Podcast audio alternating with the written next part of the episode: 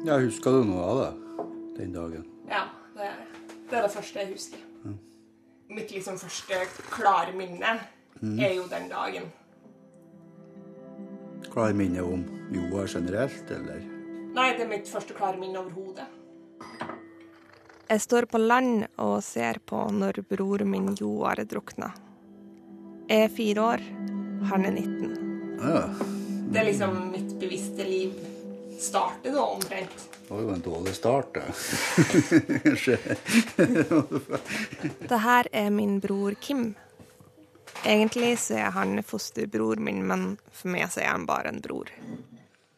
Kim kom til oss når han var fire år, og siden han og Joar var like gammel, vokste de opp som noen slags tvillinger. Han var en kjempefyr. Vi var ganske like, eller ikke like sånn, men vi hadde samme humor. Og mørk humor, sånn liksom dystert. Og svart. Men forferdelig artig. Den første dagen jeg husker, så ser Kim på en stein midt ute i elva. Joar har forsvunnet under vann og kommer ikke opp igjen. Jeg skriker navnet hans så høyt jeg klarer, på nytt og på nytt igjen. Når jeg ser han neste gang, så ligger han i ei kiste. Noen holder meg i handa. Jeg kikker ned og tenker at han er det vakreste mennesket jeg noen gang har sett. I år er det 25 år siden den dagen Joar døde. En dag vi som familie aldri har snakka om. Før nå.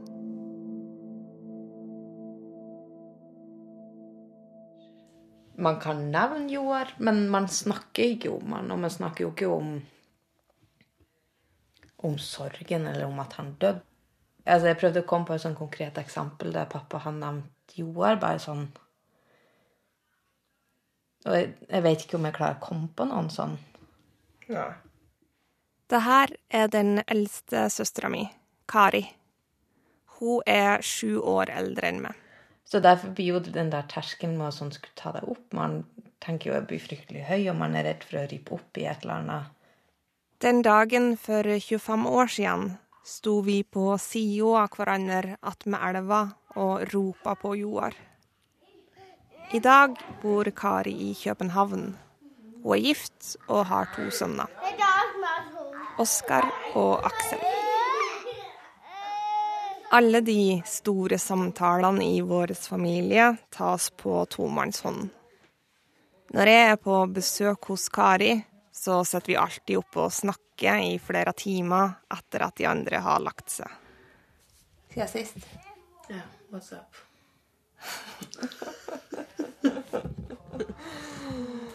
Kari er den jeg har snakka mest med mens jeg har holdt på med det her. Jeg har jo lyst til å kjenne de folkene som står meg nærmest. Og pappa er 70 år nå. altså jeg skal snakke med han om det her, så må jeg gjøre det nå. Og har du gjort det? Ja, jeg har gjort det. Men jeg gruer meg jo dritmasse. Eller det kan jo du sikkert forestille deg. Uff, nei, men jeg får, jeg kan merke, jeg får bli sånn nervøs bare med tanken på at du har gjort det.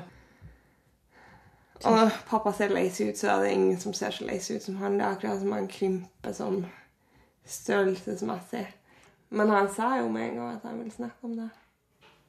Med en gang, liksom, så begynte han bare å snakke om den dagen. Ifra start av. Hva han husker. Og han husker det jo utrolig detaljert, liksom. Vi har jo holdt på med slåtthund helt til da og var vel eh, fått, opp, fått opp siste hesje, tror jeg. Så vi var en turen over til Hattfjelldalen. Litt tidlig på dagen, og det husker jeg til og med at jeg og du satt ute på samvirkelagtropp og åt en is. Jeg sto jo opp ganske seint, for det var jo sommerferie. og Sto opp i tida ti eller elleve. Jeg utsatte samtalen med Kim i månedsvis. Han var den som var i vannet med Joar da han drukna. Og jeg var livredd for alt det kom til å rippe opp i ved å spørre om den dagen. Og det var en kjempefin dag. Men når Kim satt ovenfor meg ved kjøkkenbordet, så skjønner jeg at det samme gjaldt for han som for pappa. Jeg hadde mye større sperrer for å spørre enn de hadde for å snakke. Når var det vi bestemte oss for å fare bad? Kort på ett. Du husker det tidspunktet sånn nøyaktig? Vi spilte badminton igjen i går. Så var jeg midt i et spill, og så kom det en pappa og spurte om vi skulle bade, for å bade i Panterslifors. For at da du og Kari lyst til. Og så diskuterte vi det kjapt. om ikke, ja, fant ut vi skulle være med, vi òg, for det var en kjempedag. Det var nesten 24 grader. Så vi slengte oss med. Jeg er den yngste av fem biologiske søsken. I tillegg har foreldrene våre hatt en hel haug med fosterunger opp igjennom. Det var unger inn og ut av husene hjemme helt fram til mamma døde i 2010. Da, i 1991, så var det imidlertid bare Greta av fostersøsknene som enda bodde hjemme. Denne brokete forsamlinga vokste opp på en sauegård i Susendalen sør i Nordland. Gården ligger attmed elva Susna, og et par kilometer lenger ned i elva så er det en fors og ei stor strand. Det var hit vi var på vei for å bade den 5. august i 1991. Så husker vi satt i bilen, og Joar egentlig ikke skulle være med. Så han kom springende etter bilen når vi sto utafor garasjen. Men vi, vi for iallfall nedover, og de som var med, da, det var jo foruten du og Kari og Sunniva og Greta, så det Joar og Kim. Etter at jeg har blitt voksen, så har jeg begynt å reflektere over at barndommen min utspilte seg i kjølvannet av denne tragedien. Jeg lurer på hvordan familien vår har blitt annerledes på grunn av det som skjedde. Og jeg lurer på hvem Joar var. Sjøl om jeg bare husker fragmenterte glimt av Joar fra da han levde, så har tomrommet etter han tatt stor plass i bevisstheten min. Men hvorfor vil du Altså, jeg kan godt forstå at du liksom vil snakke med pappa om det, men Men hvorfor en dokumentar, egentlig? Er det Eh, For det er en anledning til å gjøre det. Det er unnskyldninger. Jeg vil ikke ha stilt disse spørsmålene med mindre jeg hadde denne unnskyldninga. Ja. Én ting er at vi ikke snakker om sorgen og om det som skjedde. En annen ting er at vi aldri snakka om han. Når jeg vokste opp, så hørte jeg ingen historier om Joar. Bare det å nevne navnet hans var nok til at hele rommet frøs i et øyeblikk. Når skolen starta, jeg kan huske mamma var der og fortalte liksom hva som har skjedd til min klasse. og Noen andre fortalte at de hadde en hund som hadde dødd i sommerferien. Og det ble så Og noen har fått ei lillesøster, og Valborg sa at sorgen og gleden de vandres i hopet, så alt ble liksom normalisert. Det var ikke plass til å liksom Sånn skulle snakke eller sørge mer. Nei, da, vi har vel kanskje ikke vært så flinke til å, til å ta den bøygen der og snakke om de tingene som er så vonde. Så sånn er, har kanskje vi hatt det vanskelig, men, men eh, man er jo nødt til å takle de problemene ut ifra den personligheten vi har. Kan jo aldri si at jeg kunne jo fått hjelp til det, men jeg tror ikke at noe sånn kriseteam kunne ha hjulpet meg til å, til å komme lettere over det. jeg måtte tatt den tida som måtte til for at jeg kan kunne leve et, et eh, normalt liv igjen. Men det, hele tida så, så ligger jo den der sorgen der, og, og er bare under kontroll på et vis. Som unge følte på tungsinnet som lå som et slør over pappa. Noe jeg ikke merka hos mamma. Han hadde arbeidet og oss andre ungene, og det var det som gjorde at han likevel holdt seg ovenpå. Hvis jeg ikke hadde hatt det, så tror jeg ikke jeg greier å fortsette å leve. Plutselig synes jeg ikke at det er så rart at han ikke snakka om Joar. Jeg vet ikke om det er noen god unnskyldning for ikke å snakke om den, men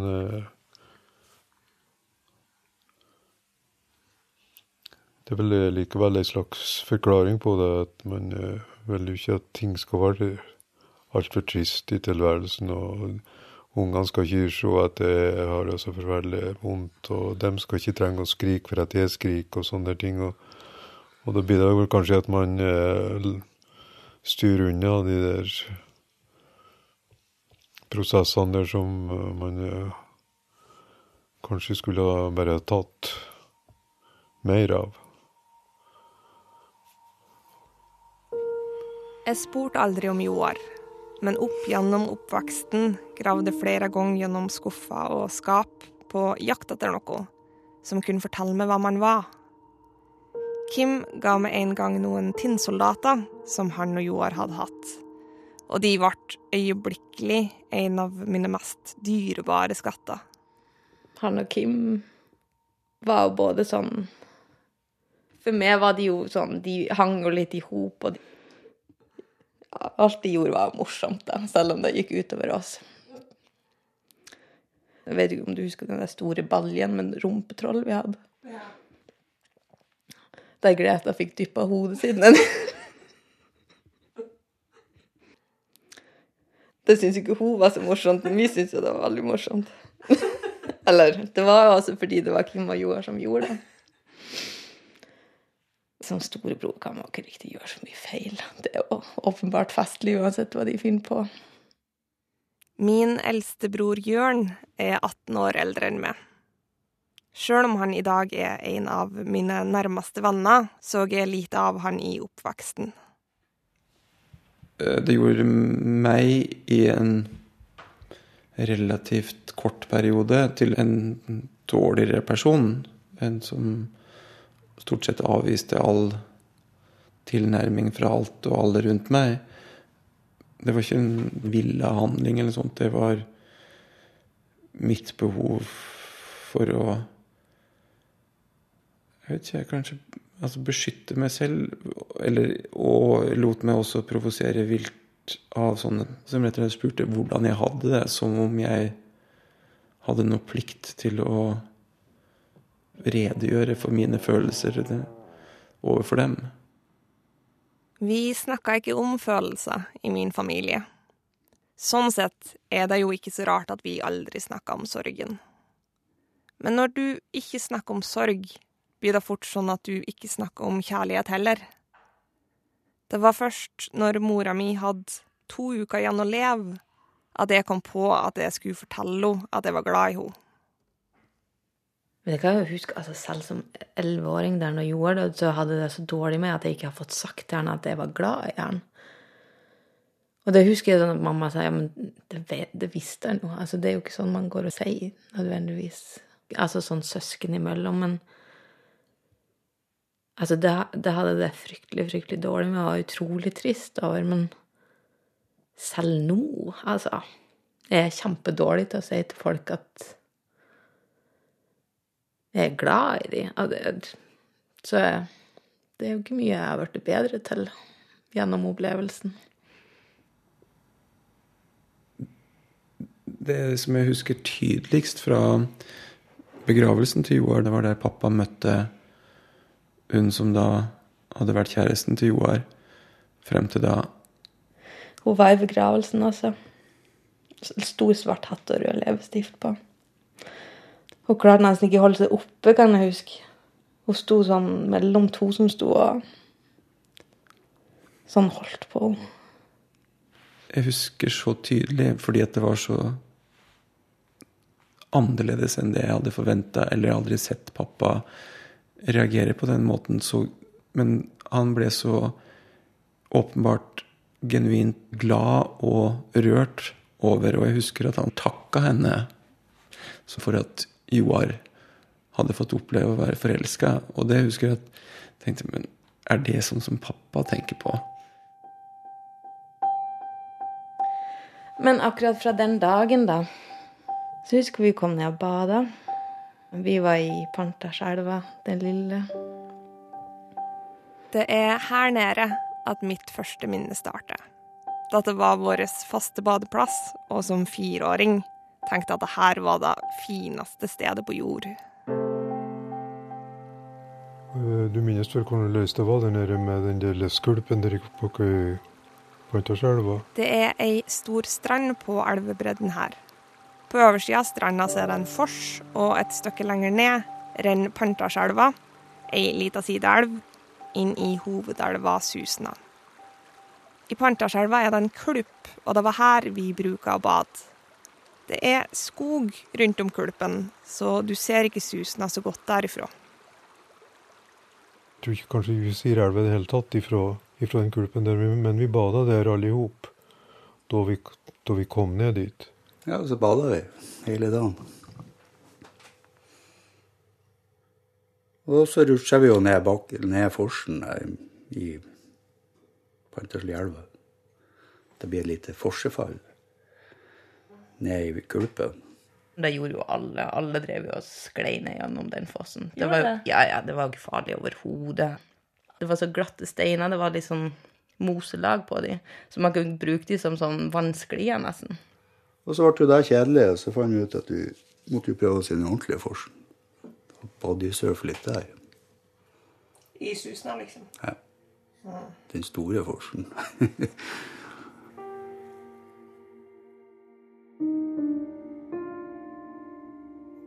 Og så sa jeg med dem at eh, da måtte de iallfall være forsiktige, for at elva, var ikke å spøke med, sjøl om det var lite vann i henne. Men den for den over, da. Og for å bade i sjølve den kulpen under Pantaslifossen. Mamma og pappa snakka heller aldri med hverandre om tapet av jord? Nei, det gjorde vi jo ikke Vi, vi så vel sikkert begge to at vi var sørga ulikt i den tida der. Mens pappa sleit med å holde hverdagen i gang den første tida etter julokka, henga mamma seg til organisering og administrering. Det var ikke sånn at hun knekte i hop av sorg. Sjøl har jeg alltid lura på om hun la noe skyld på han for det som skjedde. Nei, ikke unntatt akkurat eh, da vi kom hjem ifra. Eh, Da det skjedde. Da skylder hun vel på at jeg ikke passa godt nok på. Jeg kan huske at mamma på et tidspunkt i de der dagene sa at han var voksen. At det var ikke noe pappa kunne ha gjort. Jeg burde ikke ha sluppet dem over til elva aleine. For at uh, det De var jo så unge at de kunne ikke, jeg kunne ikke forvente at de hadde noe erfaring med å fare ut i den kulpen der og tenke på hva, hva slags faremoment det innebar. Og Det er litt hjelp å være forsiktig hvis du vil bli utsatt for uh, krefter som du ikke greier å å hanskes med. Kan huske vi Det var jo åpen kiste til Joar. At vi liksom, vi ungene fikk lov til å gå inn og sånn. Skulle si farvel til han. Bare oss alene, da.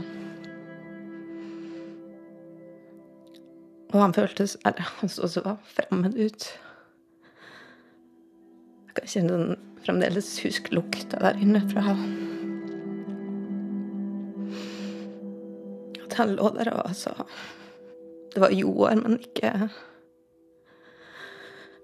Men ikke min bror, liksom. At han var vekk. Jeg husker likskuet godt. Det var i gangen på en av husene hjemme. Det jeg ikke visste før nå, var at det var mamma som sjøl vaska og kledde på Joar før vi fikk se han. Og mamma så han over på sykehuset og stelte liket sjøl.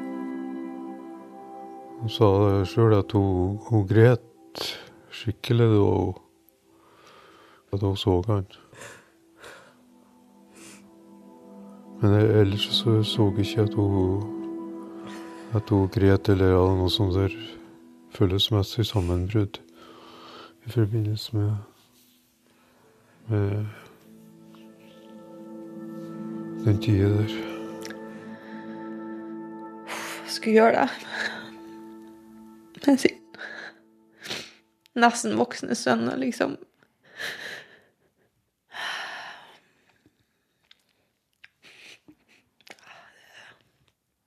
Det er heftig, altså. Ja. Det føles sikkert utrolig sterkt for meg at jeg har de der små guttene som jeg nå kler på, og gjør klar. Og skulle gjøre det en siste gang. Og legge den i en kiste.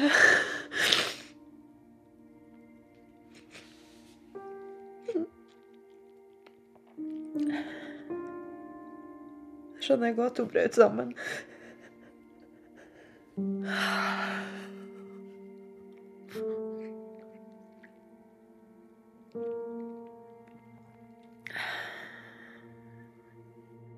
Joar ble begravd ei drøy uke etter ulykka. Pappa henta gravsteinen hans ifra et berg attmed fjellkjønna som vi bruker å fare på tur til. Det, det, det er først, første vekken Da tror jeg at jeg var så utafor meg sjøl at eh, at jeg har ikke helt no, normale reaksjoner. Jeg kan ikke huske at jeg, at jeg skreik i kirka en gang. Og det var en sånn minnesstund oppe på skolen her i Susendalen. Da var jeg òg helt, eh, sånn Liksom så på sida av meg sjøl at jeg kunne forklare hva som har skjedd, og trøste dem som skreik. Og Men etterpå, når uh, ting har falt mer på plass, så kom mine følelser enda ble enda, vanskeligere å håndtere. At de andre begynte å liksom normalisere seg, så uh, noe helt annet for min del. Og, Da var det tungt.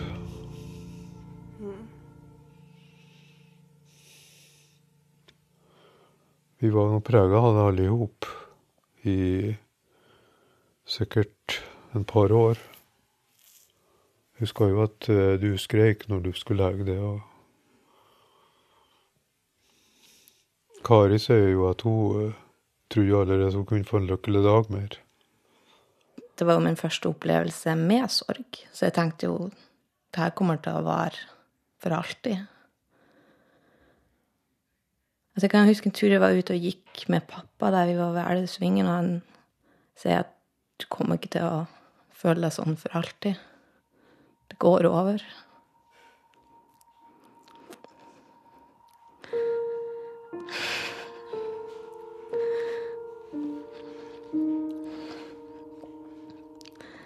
Men det tror jeg jo ikke på.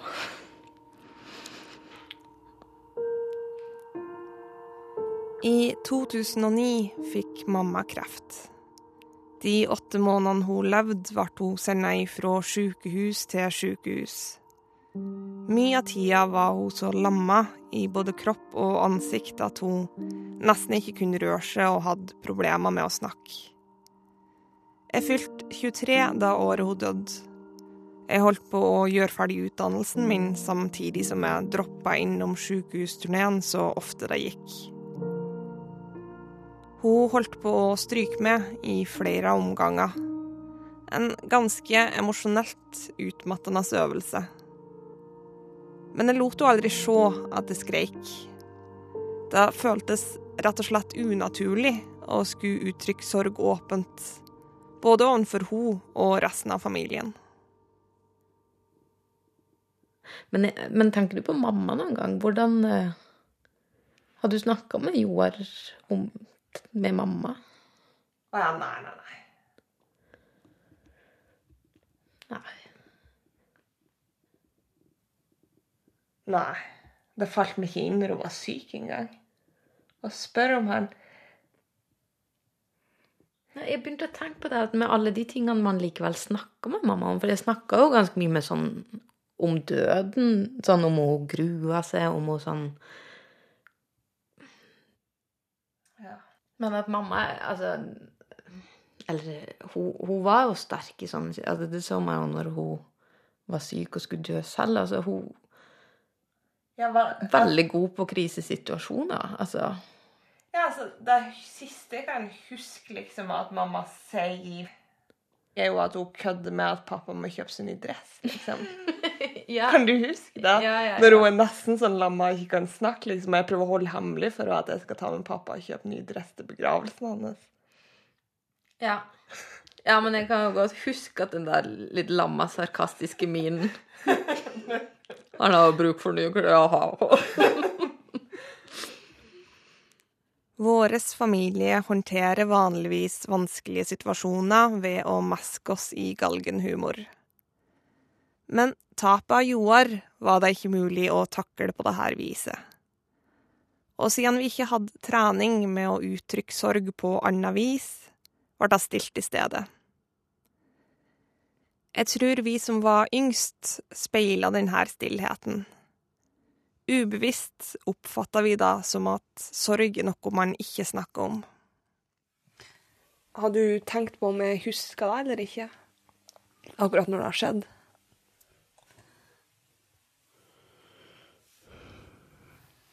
Jeg visste jo at du huska Joar. Da snakka du jo om av og til. Jeg tror det mitt første minne som er klart, liksom. Det er jo ifra den dagen. Men det er kanskje ikke så rart, det heller. Jeg kan jo minnes enkelte episoder ifra da jeg var fire-fem år gammel. En gang det var Jeg og Jan Olav var nede med bekken på Hongset og leika. Og mamma hadde en sånn vaskarplass nede ved bekken der, så bruker å være. Og da hun vi der nede. Og det var nå vanligvis helt, helt ufarlig. Men den dagen som vi var der nede, så var det jo flom, da. Og så var Jan Ola uheldig og ramla uti. Han var vel antagelig tre år, og jeg var fem år. Og så har jeg et sånt et sånt handlenett med som jeg tror vi leka at det skulle være fiskegarn eller noe sånt. Og så fikk, fikk jeg slengt det ut, og han så det og fikk tak i det med ei hånd. Og så slengte han opp omtrent som skulle vært en fisk. Han har helt uana styrke, da, og han greide å klippe seg fast der, så han kom seg iallfall oppfatta Føltes det sånn for meg da, at jeg bare slengte den opp på land.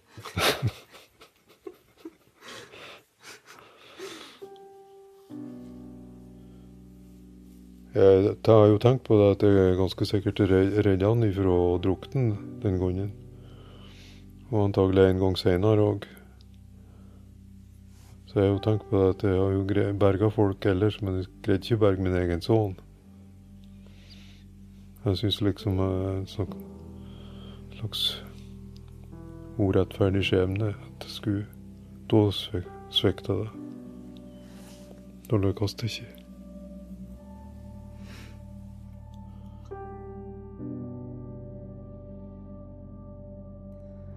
Jeg angra en stund på at jeg har tatt initiativ til alle de her samtalene.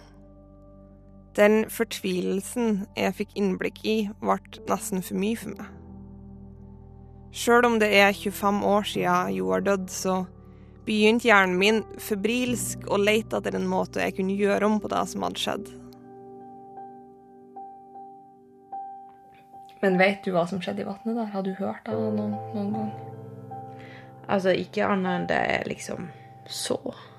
Nå, nå så jo ikke vi Altså, det jeg har fått fortalt, det var jo at de har drevet og svømt over elva. Det har de jo gjort mange ganger med en sånn tømmerstokk. Der de har holdt fast i den og så svømt over med den. Og det vet ikke om de har gjort denne gangen også, og mista tak i den, eller hva som har skjedd. Det var ikke det som skjedde, faktisk. Var det ikke? Få høre.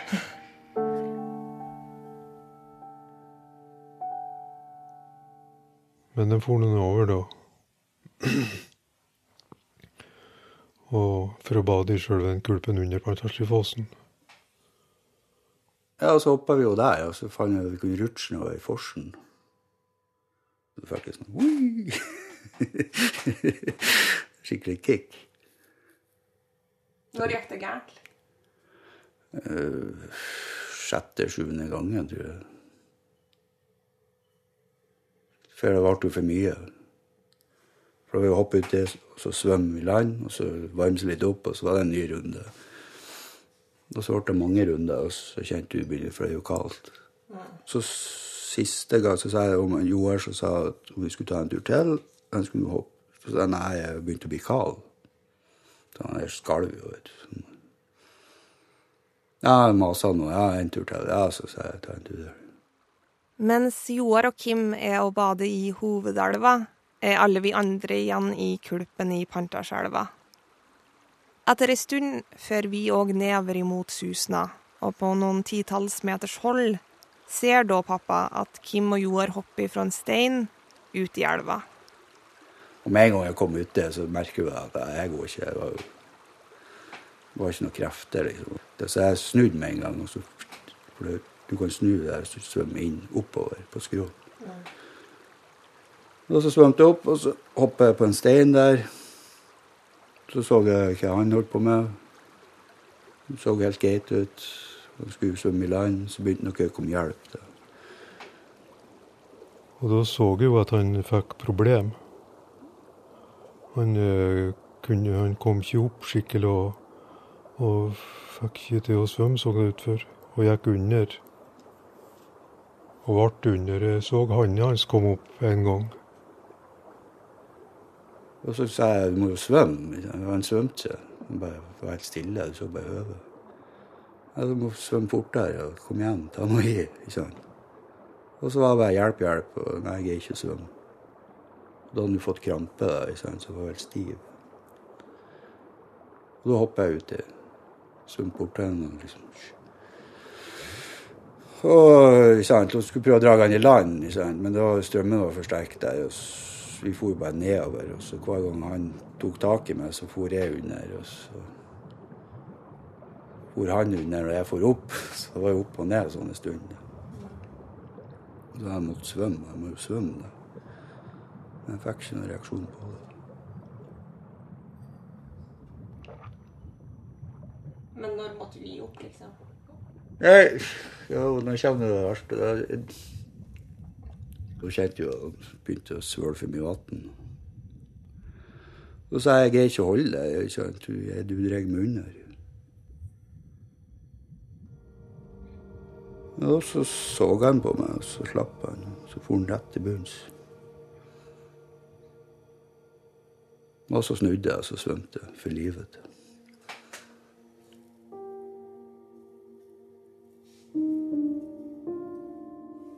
Jeg så at det ikke gikk, så sprang jeg jo så fort jeg greide over stranda der og hoppa uti også. Og svømte utover dit, kanskje 40-50 meter ifra landet. For å se om jeg kunne se han.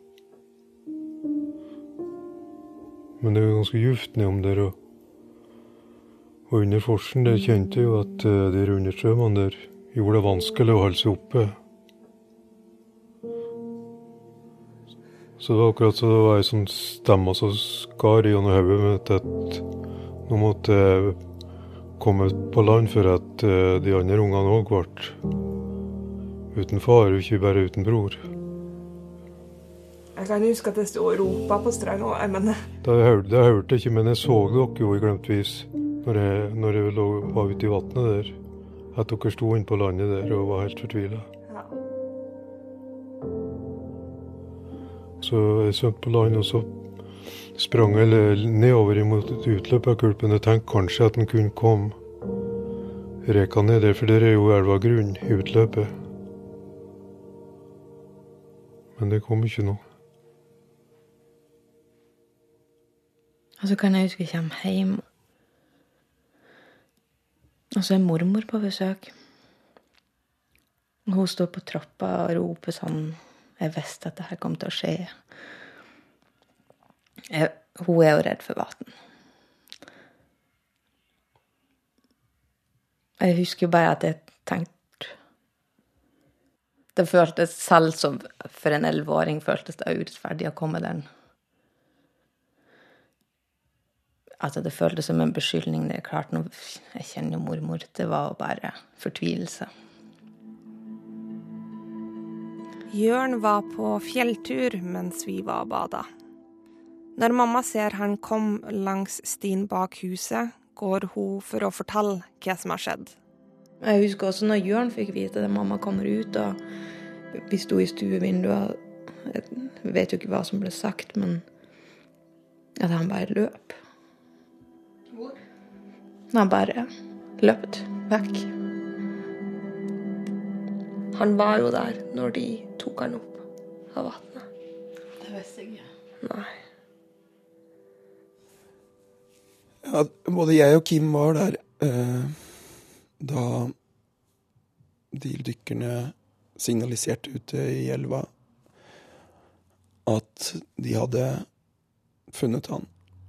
Så de tok han opp der ute, og eh, de eh, dro han i land på elvebredden der, og han som da tok Joar i land, lot han bli liggende der og gikk vekk derfra og lot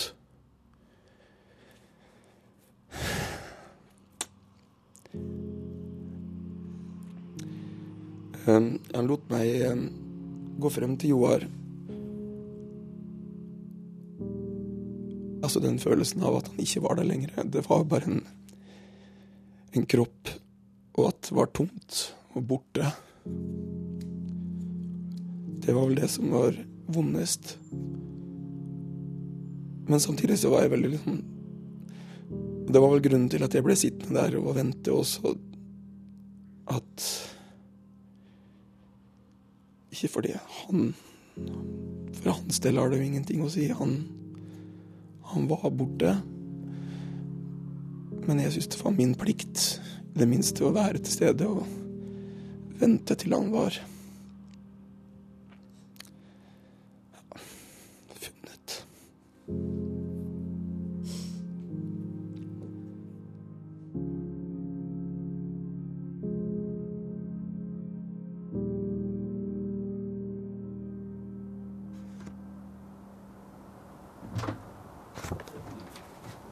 Det er en varm sommerkveld, så jeg og pappa går og setter oss på verandaen. Nedom huset flyter elva som Joar drukna i. Over oss er fjellet der pappa henta gravsteinen hans. Jeg vet ikke om, om eh, det er tider eller det er ting som skjer som gjør at, at det er mer roligere i forhold til tapet han nå enn det var for f.eks. fem eller ti år siden. Men eh, før, så har jeg omtrent ikke nesten ikke greid å snakke om det uten å begynne å skrike. Hva du tror det har vært annerledes? Nei, det kan hende at, at eh, etter hvert så livet mitt òg har uh, nærma seg slutten, så, så blir jeg roligere i forhold til, til det. Og jeg sier jo at livet går jo videre. Det er jo borti barnebarn og, og ting faller på plass på et vis. Sorg, det må vi regne med. Det får vi. Vi er nødt til å ta det.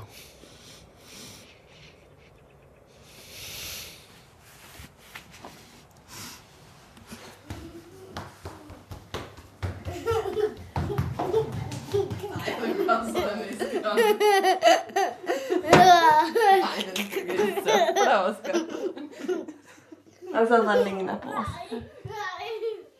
Eller at eh, Oskar som barn var veldig lik sånn som Joar så ut som barn. Ja, det har han jo ikke sagt til meg. Men når jeg har sett de sammen, liksom, så har jeg tenkt på om For noen ganger syns jeg jeg kan se en sånn der Sånn overveldende ømhet blanda med en eller annen sånn tristhet. Når jeg ser pappa sammen med dem. Da tenker jeg at det kanskje er ugåelig for han å ikke tenke på På jorda oppi alt det, altså.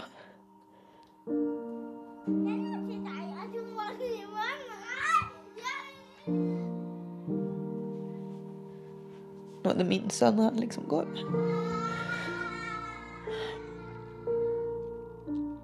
Og at han en gang gikk med sin sønn sånn.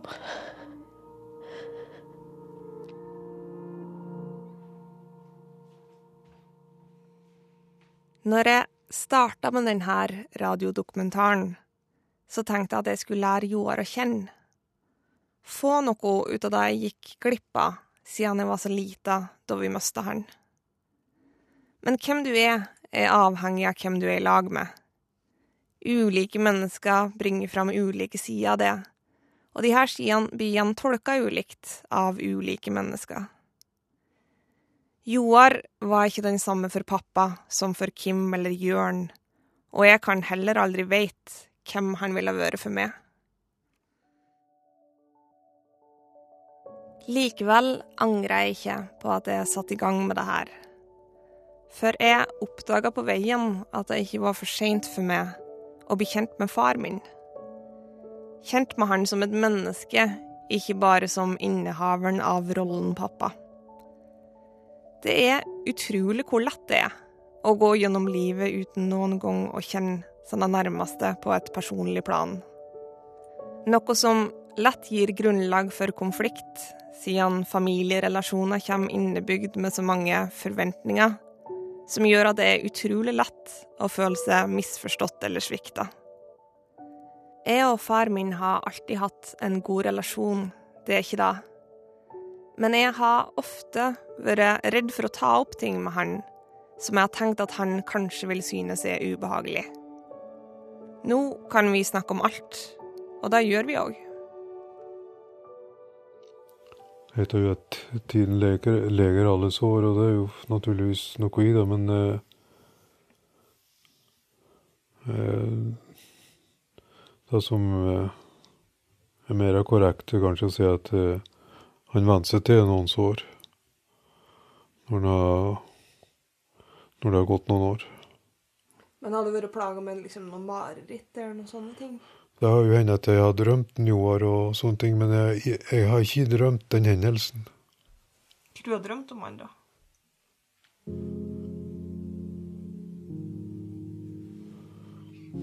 Jeg drømte at jeg, jeg skulle gange over ei høg bru. Ganske smal bru uten gelender og sånn, og var egentlig forma sånn mer, mer som en regnbue. Og så klatra jeg oppover der, og til slutt så torde jeg ikke å gange lenger. For jeg tror ikke at jeg kom til å, å greie det. Og så snudde jeg, og så gikk jeg tilbake igjen. Og nede ved med foten og ut av brua. Så sto han eh, far min, han Joar, og sa at eh, det var ingenting, det var ikke noe farlig å gange over denne brua. Det, det gikk helt bra. Det der eh, En slags